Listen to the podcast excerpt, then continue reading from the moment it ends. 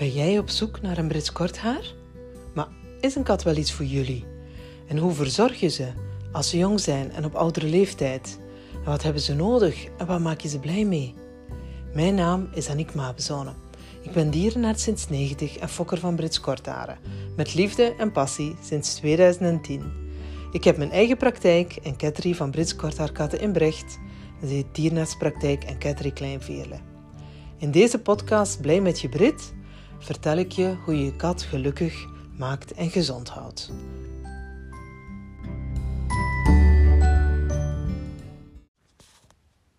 Mevrouw, uw kat is te dik. Dat is waarschijnlijk de zin die ik zowat het meest gebruik in de hele week in de praktijk. Heel veel katten die ik zie zijn te dik. En dat is de laatste jaren alleen maar meer geworden. En dat is zeker in, in, in, uh, als je leeft in, in stad, meer dan als je leeft op het platteland. Veel meer stadskatten zijn, uh, zijn, of stadskatten zijn gewoon dikker als plattelandskatten in zijn algemeenheid. En ik zie natuurlijk ook veel Brits kortharen in de praktijk en die zijn ook vaak te dik. Hoe komt dat nu?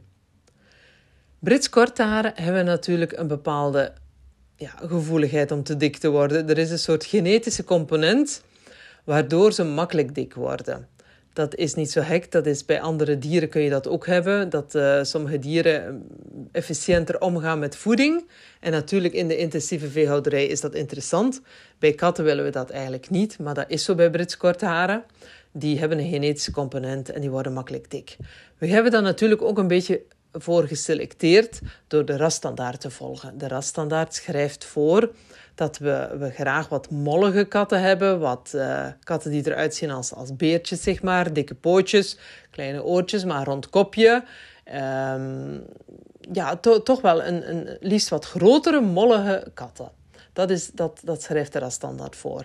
Dus als we die met die kleine ile poesjes, daar fokken we eigenlijk niet mee. Dat hoort zo. Dat hoort zo. Je moet uh, niet tegen de raststandaard in fokken. Dus onze katten, onze, onze Brits kortharen, zijn al wat voorbestemd om dikker te zijn of dikker te worden. Ander belangrijk punt is castratie. We castreren onze katten vroeg, nog voor ze naar de nieuwe eigenaar gaan. En het is bewezen dat een gecastreerde kat 25% minder energie nodig heeft dan een niet gecastreerde kat. Ik merk dat ook heel duidelijk bij mijn fokkatten. Die worden echt niet vaak te dik. Integendeel. Ik moet uh, extra voer geven aan mijn poezen die, uh, die krols worden in de zomer. Ik moet extra voer geven aan mijn katers die dekken, aan mijn dekkaters dus. Dus die katten die hebben eerder te weinig gewicht als te veel. Castratie verandert de energiebehoefte voor 25%. Een andere factor die meespeelt is ja, natuurlijk te weinig activiteit. Dus heel veel katten zijn, heel veel Brits kortharen zijn binnenkatten. Dat is ook de bedoeling eigenlijk. Dus, en binnenkatten die, die bewegen te weinig. Die hebben gewoon te weinig activiteit op een dag. En er zijn ook te lange periodes van slapen. Dus de eigenaar gaat werken, de kat is even actief s morgens, de eigenaar gaat werken, de kat gaat slapen. En het is gewoon lekker warm in huis en er gebeurt niks. En die kat die blijft de hele dag liggen op die krabpaal. Die gaat hoogstens een keer recht staan om, om, om wat brokjes te gaan eten. Maar die begint uit zichzelf niet te spelen. Hè. Die, die gaat gewoon weer slapen. Dus te weinig fysieke activiteit, te veel slapen, uh, binnenkat zijn. Uh, dat speelt allemaal mee. Maar wat ook blijkt mee te, mee te spelen is ja, chronische stress. Katten die chronische stress hebben, die gaan meer snakken die gaan vaker iets gaan eten. Het is een manier om uh, om te gaan met je stress. Iets wat we niet verwachten en wat toch zo blijkt te zijn, is dat katten die een sterke band hebben met de eigenaar vaker dik zijn. Hoe dat precies komt, weten we niet. Maar het zou kunnen dat die eigenaar natuurlijk, ja, de liefde gaat een beetje door de maag. Dus dat hij heel veel houdt van de katje en om die reden uh, vaker eten geeft. Of lekkerder eten geeft aan die kat. Of vaker snoepjes geeft. Dus een sterke band met de, tussen eigenaar en kat is een predisposerende factor voor overgewicht. Het is ook een feit dat mensen het normaal gaan vinden. Uh, we vinden dikke katten schattig. Op veel filmpjes op YouTube of op Facebook of op TikTok zie je dikke katten die van alles doen. Dat is natuurlijk een, uh, ja, eigen aan onze tijd. Dat is ook zo met, uh, met, met puppies. Kittens en puppies, die zien we vaak, die vinden we leuk als ze mollig zijn. Dus de fokkers die zetten vaak mollige dieren ook op, uh, op een profiel, op een Instagram profiel. Dat ziet er leuk uit. We weten dat katten die enkel droogvoer eten ook vaak dikker zijn, molliger eten. En we weten ook, uit, uit studies blijkt ook dat katten, katten die elke dag hetzelfde eten krijgen, meer kans op obesitas hebben. Dus het is zo dat afwisseling in voer vermindert blijkbaar verveling en zeuren om eten. Dus, of het kan ook zijn dat de eigenaar die afwisseling brengt in zijn voer meer op zijn kat let en meer op het gewicht let. We weten het niet precies, maar het blijkt zo te zijn dat katten die elke dag dezelfde soort brokken eten, hun leven lang vaak dikker zijn. Ik denk dat de rol van de fokker in deze, de fokker van uw Brits korthaar, zeker niet onbelangrijk is. Wij als fokkers moeten eigenlijk informatie geven als het kitten weggaat over levensverrijking en over voeding. En die informatie, dat bedoel ik niet mee een zak uh, brokjes meegeven, een zak kittenvoer meegeven en zeggen: Kijk, hier zijn de brokjes en geef dat maar het leven lang. Dat is niet de bedoeling. Hè? We moeten echt uh, duidelijke info geven over afwisseling van natvoer en uh, met droogvoer, over caloriegehaltes. Mensen erop moeten letten. Hoeveel een kat, kat moet en mag wegen op een jaar. Dat soort informatie. En we moeten er zeker ook op letten dat katten niet te dik zijn bij het verhuizen. Ik zie vaak uh, kittens van Brits kortharen op, uh, op foto's en die zijn eigenlijk al te mollig op de leeftijd van 12 weken. Dat is niet de bedoeling, hè? Het is net als met kinderen. Kinderen moeten niet te dik zijn. Kittens moeten eigenlijk ook niet te dik zijn als ze verhuizen. En we moeten focussen op het eerste levensjaar. We moeten dus eigenlijk zorgen voor preventie van obesitas. Als je in het eerste levensjaar erin slaagt om die kat op een gezond gewicht te houden. Dus bijvoorbeeld op, op 4 kilo, 4,5 kilo op, uh, op, op zijn verjaardag. Dan is dat prima, dan gaat dat goed. Als die kat al op het, in het eerste levensjaar blijft groeien of blijft verdikken tot aan 6 kilo, dan is dat is gewoon te dik. Die krijg je maar heel moeilijk meer uh, afgeslankt. Het is heel moeilijk om een dikke kat te laten afvallen als ze van in het begin al te dik zijn.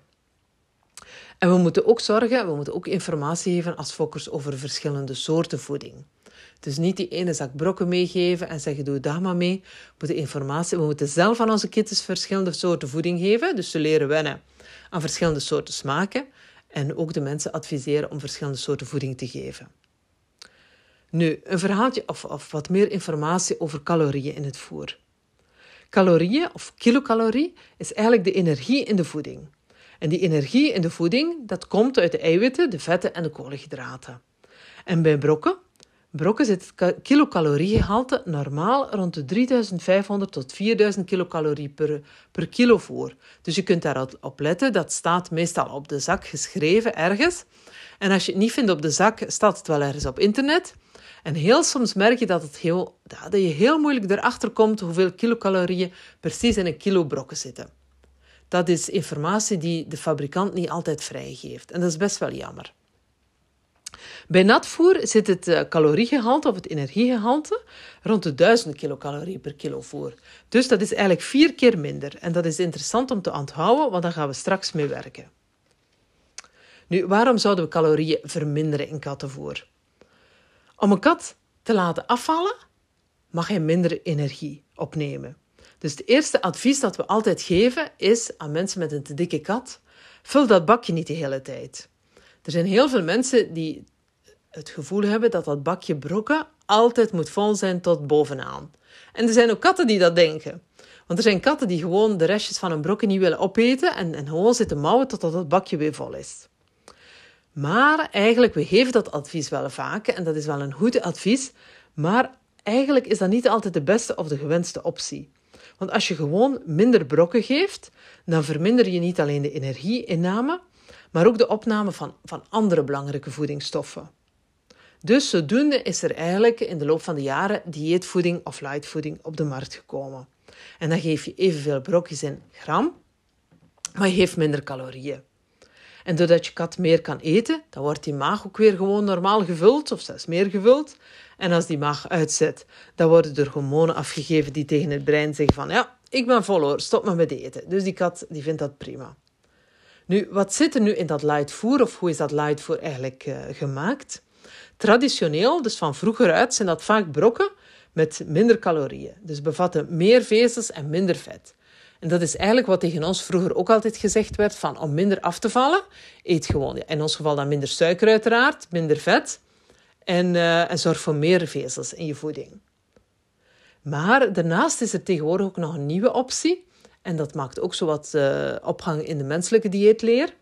Dus dat er dat het belangrijk is om voldoende eiwitten te eten als katten moeten afvallen. Waarom is dat? Katten zijn carnivoren, dus ze hebben dus meer eiwitten nodig dan bijvoorbeeld mensen of honden. En als ze afvallen, blijkt dat nog extra belangrijk te zijn. Want katten moeten hun spiermassa behouden als ze afvallen.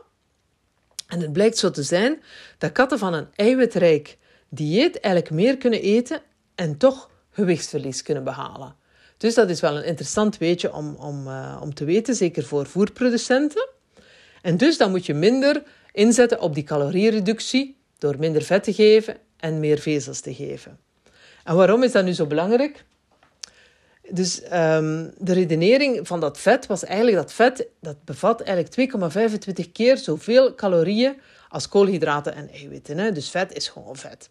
En als je vet beperkt, dan kun je dus de voeding minder calorierijk maken. En bij traditionele calorie-reducerende diëten, zoals ze, dat, zoals dat vroeger noemden, of, of uh, zoals dat heet, dan krijg je dat, dat, dat ze er minder dan 10% vet op droge stofbasis in stoppen. Eén probleem, we houden allemaal van lekker vette dingen. En ook katten zijn zo. Dus katten, dus vet zorgt eigenlijk voor meer smakelijkheid. En als die hoeveelheid vet beperkt wordt, dan kan dat leiden tot minder eten. Dus die kat vindt dat eten niet lekker en eet minder, of eet eigenlijk helemaal niet, wil het niet eten. En dat is niet de bedoeling. We willen niet dat onze kat stopt met eten, want als ze stopt met eten, als een dikke kat stopt met eten, dan kan dat problemen geven. Dus dan krijgt ze leververvetting. Dus dat willen we niet. Dus je, conclusie, je kunt het vet beperken in het voer, maar in beperkte mate. Dus tweede oplossing, vezels geven. dan hebben ze geprobeerd van meer vezels erin te stoppen. Vezels, als je meer vezels opneemt, neem je minder energie op. Dus vezels fungeren eigenlijk als een soort ja, energieverdunner. En het is ook zo dat vezels verzadigen, dat weten we allemaal. Het hongergevoel neemt af doordat er meer inhoud is in de maag en de darmen. Dus in die traditionele caloriereducerende light kattenvoeren zit vaak dan dus meer, meer dan 10% vezels op droge stofbasis. Maar één nadeel, je kunt niet eeuwig vezels blijven toevoegen. Hè. Op een bepaald moment houdt het op en dus de energieverdunning houdt ook op. En een uh, tweede effect of een tweede nadeel is het effect van te veel vezels op de opneembaarheid van andere voedingsstoffen. Dus hoge hoeveelheden vezels zorgen ervoor dat er minder energie opgenomen wordt. Dat is goed, maar ook dat er een moeilijker opname is van eiwitten en van andere mineralen, als zink en calcium en ijzer en fosfor. En nog een ander praktisch nadeel: als je te veel vezels in de voeding stopt, dan krijg je gewoon veel ontlasting. En veel ontlasting die ook vaak stinkt. En dat is ook weer niet helemaal de bedoeling, hè? Dat, dat willen mensen niet. Dus wat is er dan gebeurd? Er is eigenlijk een nieuw soort voer op de markt gekomen, dus niet meer die traditionele caloriereducerende diëten, maar tegenwoordig noemen ze dat metabolic control. En dan is het idee dat voldoende eten, uh, voldoende eiwitten eten, belangrijk is als katten moeten afvallen. En dus katten zijn carnivoren, we hebben dat al gezegd. Ze hebben meer eiwit nodig dan mensen of honden. En dat blijkt tijdens het afvallen nog extra zo te zijn. Want katten moeten hun spiermassa behouden. Dus ze kunnen meer van dat eiwitrijke voer eten en toch gaan afvallen. afvallen. En straks gaan we, erover terug, gaan we erop terugkomen als we, natvoer, eh, als we willen natvoer gaan geven. Dus die nieuwe voedingen die heten vaak metabolic control. En in mensenvoeding wordt die aanpak ook wel gebruikt. Hè? Je zult misschien op de hoogte zijn van hoe, ze, hoe die diëten tegenwoordig uh, eruit zien voor mensen. Uh, je hebt tegenwoordig ook die low carb diëten, dus laag in koolhydraten. En in die low carb diëten, dan zijn de eiwitten verhoogd en de koolhydraten en de vezels die zijn dan lager. Heel belangrijk, en dat heb ik nog niet voldoende benadrukt, denk ik, is dat al die caloriereducerende diëten gevoerd worden in maaltijden. Dus je kunt ze niet onbeperkt geven. Dus je moet ze absoluut voeren in maaltijden. En dat mogen meerdere maaltijden zijn, maar wel maaltijdvoedering. Nu, wat is de beste manier nu om je kat te laten afvallen? Sowieso dus die metabolic control aanpak. En denk eraan, een goed begin is het halve werk. Dus we willen eigenlijk geven meer, e meer eiwitten, uh, minder vet en iets meer vezels. En hoe we dat zo meteen gaan doen, daar kom ik zo op. In eerste instantie, als je begint met je kat te laten afvallen, zorg voor een goede weegschaal. Een goed begin is het halve werk, dus zorg dat je een weegschaal in huis hebt, bijvoorbeeld een babyweegschaal. Die kun je ergens tweedehands wel kopen, dat is niet zo, uh, dat is niet zo moeilijk om eraan te komen. En dan het streefgewicht Wat is je streefgewicht? Wat wil je naartoe? Dat is niet zo eenvoudig om te bepalen, want vaak haalt de dierarts, je kunt bij je dierarts langs gaan en die zal dan op de proppen komen met de Body Score Index. Dat is eigenlijk eh, hoe je kat eruit ziet, hoe de, of je de ribben nog kunt voelen, of je de taille nog kunt zien. Dat is de Body Score Index. Maar als je zelf een streefgewicht bij benadering wilt hebben, dan is dat meestal het gewicht wat die kat op een leeftijd van één jaar had. Dus daar zou je naartoe kunnen streven.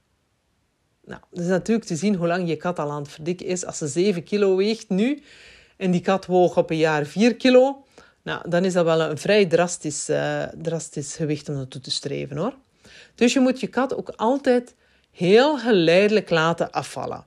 Dus laat je kat 1% per week afvallen. Geen crash dieet. Dat is niet goed voor katten.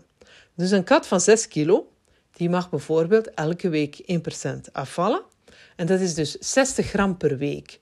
Niet meer als dat. Kies dan een geschikte voeding. En een geschikte voeding, waar bestaat dat uit? Een combinatie van natvoeding, natvoeding met veel eiwitten en dieetbrokjes. En dan niet gewoon minder brokjes, hè? want als je gewoon minder brokjes geeft, dan gaat je kat vaak gewoon heel veel zeuren. Want ze blijft toch met dat hongergevoel zitten. Ze gaat heel veel zeuren. Plus dan kan het ook zo zijn dat je te weinig vitamine en mineralen heeft en te weinig eiwitten. Dus een geschikt uh, dieet voor. Zorg zeker voor maaltijdvoeding. Dus niet ad libitum, niet de hele dag eten geven, maaltijdvoeding. Zorg dat je dus twee keer per dag natvoer geeft. En verdun dat natvoer met water. Dus ik heb het ook al eens gezegd in de podcast over eten. Het is heel goed, of over de, podcast over drinken denk ik ook nog eens een keer. Het is goed als je nat voer verdunt met een scheutje kokend water. En weeg je voer nauwkeurig af met de keukenweegschaal. Dus niet zo bij benaderingen, want je zult schrikken eigenlijk hoe weinig uh, eh, 40 gram brokjes is, bijvoorbeeld, die een kat moet hebben op een dag. Dat is echt niet veel hoor. In tweede instantie, naast het zorgen voor betere voeding, magerder voeding, uh, dieetvoeding, is natuurlijk bewegen. Het blijkt zo te zijn dat calorierestructie evenveel waard is. Dus elke dag 10 minuten extra spelen is evenveel waard als calorierestructie. En dat vergeten we soms.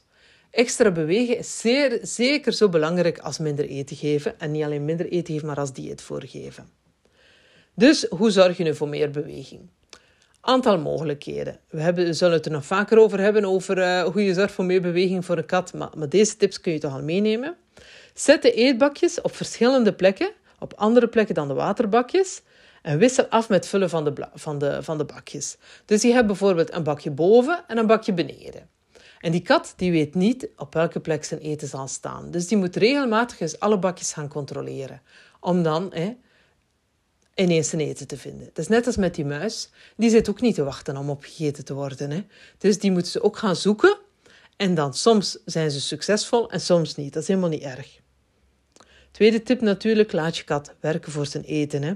Dus dat spel met die voerhangel, met die voerhengel, um, die voerpuzzels, die, die, ja, die, die anti-schrokbakjes, dat is allemaal goed om een kat te laten werken voor zijn eten. En hou ook het motto in stand van eerst spelen of jagen en dan eten.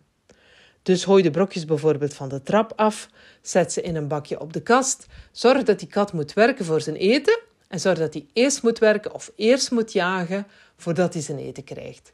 Ik heb het wel eens uitgelegd in de podcast over spelen. Dus het eerste wat je moet doen is je kat uh, actief krijgen, dat hij wil spelen. Eventueel door een beetje met zo'n laserlichtje te spelen. Dan speel je met een voerhengel, dat die kat goed beweegt. Dan geef je iets aan die kat om tegen te trappen. Je heeft dus een prooi eigenlijk gevangen en je geeft iets om tegen te trappen. Dat kan zo van zo'n soort uh, sigaarvormig uh, speeltje zijn, bijvoorbeeld in kattenkruid. En dan pas geef je het eten. Dus die kat moet eerst werken en dan krijgt hij zijn eten. Leer je kat ook driedimensionaal leven van in het begin. Dus laat die kat springen op de stoel, laat die kat springen op de tafel, op een tafel, bijvoorbeeld een tafel waar je niet aan eet. Laat die kat springen op de kast. Zorg dat er plankjes tegen de muur zijn, dat er uh, mogelijkheden zijn om, om van, de, van de stoel op de tafel, van de tafel op de kast en van de kast nog hoger te raken. Dus laat je kat driedimensioneel leven. Zorg dat er sowieso een krabmeubel ter beschikking is, dat die kat omhoog kan. Alle beweging is beweging, ook het kleinste beetje. Nog een tip wat je kunt doen is lopen rond met een hengel in je zak. Als ik hier de kattenbakken doe, dan heb ik vaak zo'n hengeltje in mijn zak en die zit er gewoon in. En dan zit daar zo'n speeltje aan en dat speeltje, dat loopt gewoon achter mij. Of, of dat, ja, dat, dat, sleurt, dat sleept gewoon achter mij aan. Dus een aantal katten die gaan iedere keer daarmee spelen. Die vinden dat leuk, die kennen dat, die, uh, die beginnen direct om mee te spelen. En soms leg ik het speeltje dan even op de grond of dan geef ik een ander speeltje om voor te, voor te spelen. Ja, zorg dat je kat buiten kan. Dat is natuurlijk wel een dingetje. Hè? Hoe laat je kat buiten? Dat is eigenlijk voer voor een, voor een aparte podcast op zich. Maar je, je kunt natuurlijk je kat buiten laten gaan met een harnasje aan. Dat moet je eigenlijk al heel vroeg aanleren. Uh, dat moet je ook heel geleidelijk aanleren. Er zijn allerlei tips op YouTube van hoe je dat moet doen. Met dat heel geleidelijk aan te leren. En dan gaat je kat eigenlijk een stukje met jou wandelen. Dus jij loopt achter je kat aan, maar je kat krijgt in ieder geval beweging. Andere optie is natuurlijk een, uh, een kattenren. Er zijn nogal wat mensen die uh, ergens uh, achteraan hun huis een kattenren gebouwd hebben, zodat die kat een keer naar buiten kan, frisse lucht kan happen en natuurlijk gestimuleerd wordt om te bewegen. Er zijn ook mogelijkheden om een soort. Uh, ik heb zelf een soort uh, gangen, gangen waar de katten moeten doorlopen. En dan zie je heel vaak dat die katten in de zon gaan liggen. Dat die katten er doorlopen om te jagen op insecten. Dat ze er doorlopen om te kijken van wat gebeurt daar van achter. Dus beweging is essentieel voor je kat om te vermageren. En dan welk voer geef je dan? Hè? Dat is altijd ja, eigenlijk de grootste vraag van de mensen. Hè? Welk voer geef je dan? Het uitgangspunt is dat je natvoer geeft in eerste instantie bestaande uit veel eiwitten. En je natvoer moet compleet zijn en weinig calorieën bevatten als je wil dat je kat afvalt. Dus let erop dat het compleet is, let erop dat het veel eiwit bevat, let erop dat het weinig calorieën bevat. Een voorbeeld is bijvoorbeeld die Bandit Bio. Die bevat 90 kilocalorieën per 100 gram. En de Atavik Mousse, die bevat vaak, of die bevat uh, een 100 of een 105 kilocalorieën per 100 gram. Dat is niet zoveel. De pâtés die bevatten meer kilocalorieën. Dus de mousses, uh, in mijn geval dan bij, bij Atavik, en de Bandit Bio bevatten minder kilocalorieën. Dus let daarop als je voer bestelt voor je kat. Uh, als het te dik is, bestel dan voer met minder kilocalorieën. Er zijn ook andere, andere merken op de markt. Bijvoorbeeld die Prince, uh, de Cat Weight Reduction, bevat iets van een 81 kilocalorieën per 100 gram. Je hebt dan de Hills Metabolic zakjes die bevatten maar 68 kilocalorieën per 100 gram. Dus dat zijn zeker opties om, uh, om naar te kijken. Wat doe je met brokjes? Welke brokjes geef je als je kat wil laten afvallen? Sowieso, als je merkt dat je kat gaat te dik worden, geef dan brokjes die al vrij hoog zitten in eiwit. En dan, uh, met name kun je dan nog, nog de gewone brokjes geven, maar degene die al wat minder calorieën bevatten uit zichzelf. Dus de indoors of de, de, bijvoorbeeld de Akana Indoor, die bevat 3630 kilocalorieën per kilo. Dat is al niet zoveel. In vergelijking met andere brokken is dat niet zoveel. Dus de Akana Indoor. De Orion Fit Trim, die bevat 3710 kilocalorieën per, uh, per kilo. Dat zijn eigenlijk uh, brokken die dus geschikt zijn voor alle katten, maar met relatief veel eiwit en weinig, calorieën. En dan heb je natuurlijk de echte afvaldiëten. Hè? Dus je hebt uh, wat ik ook nog niet vermeld heb, is dat je ja, natuurlijk altijd moet brokken geven voor gesteriliseerde katten. Hè. Dat, is, dat is logisch. Hè. Die bevatten sowieso al minder kilocalorieën dan brokken voor uh, katten die buiten komen of voor niet gesteriliseerde katten of kittenbrokken. Maar dat lijkt me ja, nogal evident. Katten die echt moeten afvallen en, en het lukt niet goed, die kun je zetten op de metabolic control. En dat zijn dan die, die voeden, die, die brokken die veel, veel eiwitten bevatten, minder koolhydraten en meer vezels. En een voorbeeld daarvan is bijvoorbeeld de Calibra Diabetes. De Calibra Diabetes die bevat 3650 kilocalorieën per kilo. De Hills Metabolic en de Royal Canin of Royal Canin Satiety Weight Management. Dat zijn eigenlijk beide dieetvoedingen die je normaal gezien vanuit de dierarts meekrijgt voor katten die echt dik zijn. Nogmaals, je mag ze afwisselen. Dus probeer het bij je kat. Het kan zijn dat ze ze lust, het kan zijn dat ze, dat ze ze niet zo graag lust. Je mag ze ook afwisselen met andere, met onder elkaar. Dus dat is prima. Maar zeker in combinatie met natvoer. En je zult eigenlijk schrikken hoe weinig brokjes en hoe weinig voer een kat nodig heeft. Als je, als je calorieën gaat tellen, en ik ga zo'n voorbeeld geven van een gecastreerde kater van 5 kilo, die heeft eigenlijk, dus ik heb het nu wel over Brits kortharen. Hè? Dus een castreerde kater van 5 kilo, die heeft 220 kilocalorieën nodig. En 220 kilocalorieën, als je gaat uh, tellen hoeveel dat is, 100 gram natvoer, die bevat 90 tot 100 kilocalorieën. Dus dan heb je nog 33 gram brokjes wat je kunt geven. Om een voorbeeld te geven van een kater van 4 kilo, die heeft 190 kilocalorieën nodig. En dat is dan 100 gram natvoer met 90 kilocalorieën en 30 gram brokjes als je het uitrekent. Dus een 6 kilo kater heeft 249 kilocalorieën nodig, dus 100 gram natvoer, 41 gram brokjes. Dus eigenlijk is dat helemaal niet zoveel brokjes. Hè? Als je meer brokjes wil geven, moet je zorgen dat je kat meer beweegt. Dat is gewoon het motto. Dus conclusie van de dag: geef meerdere maaltijden, let op het caloriegehalte van het voer, wissel droogvoer af met natvoer en bovenal zorg dat je kat veel drinkt en veel beweegt. Veel succes ermee!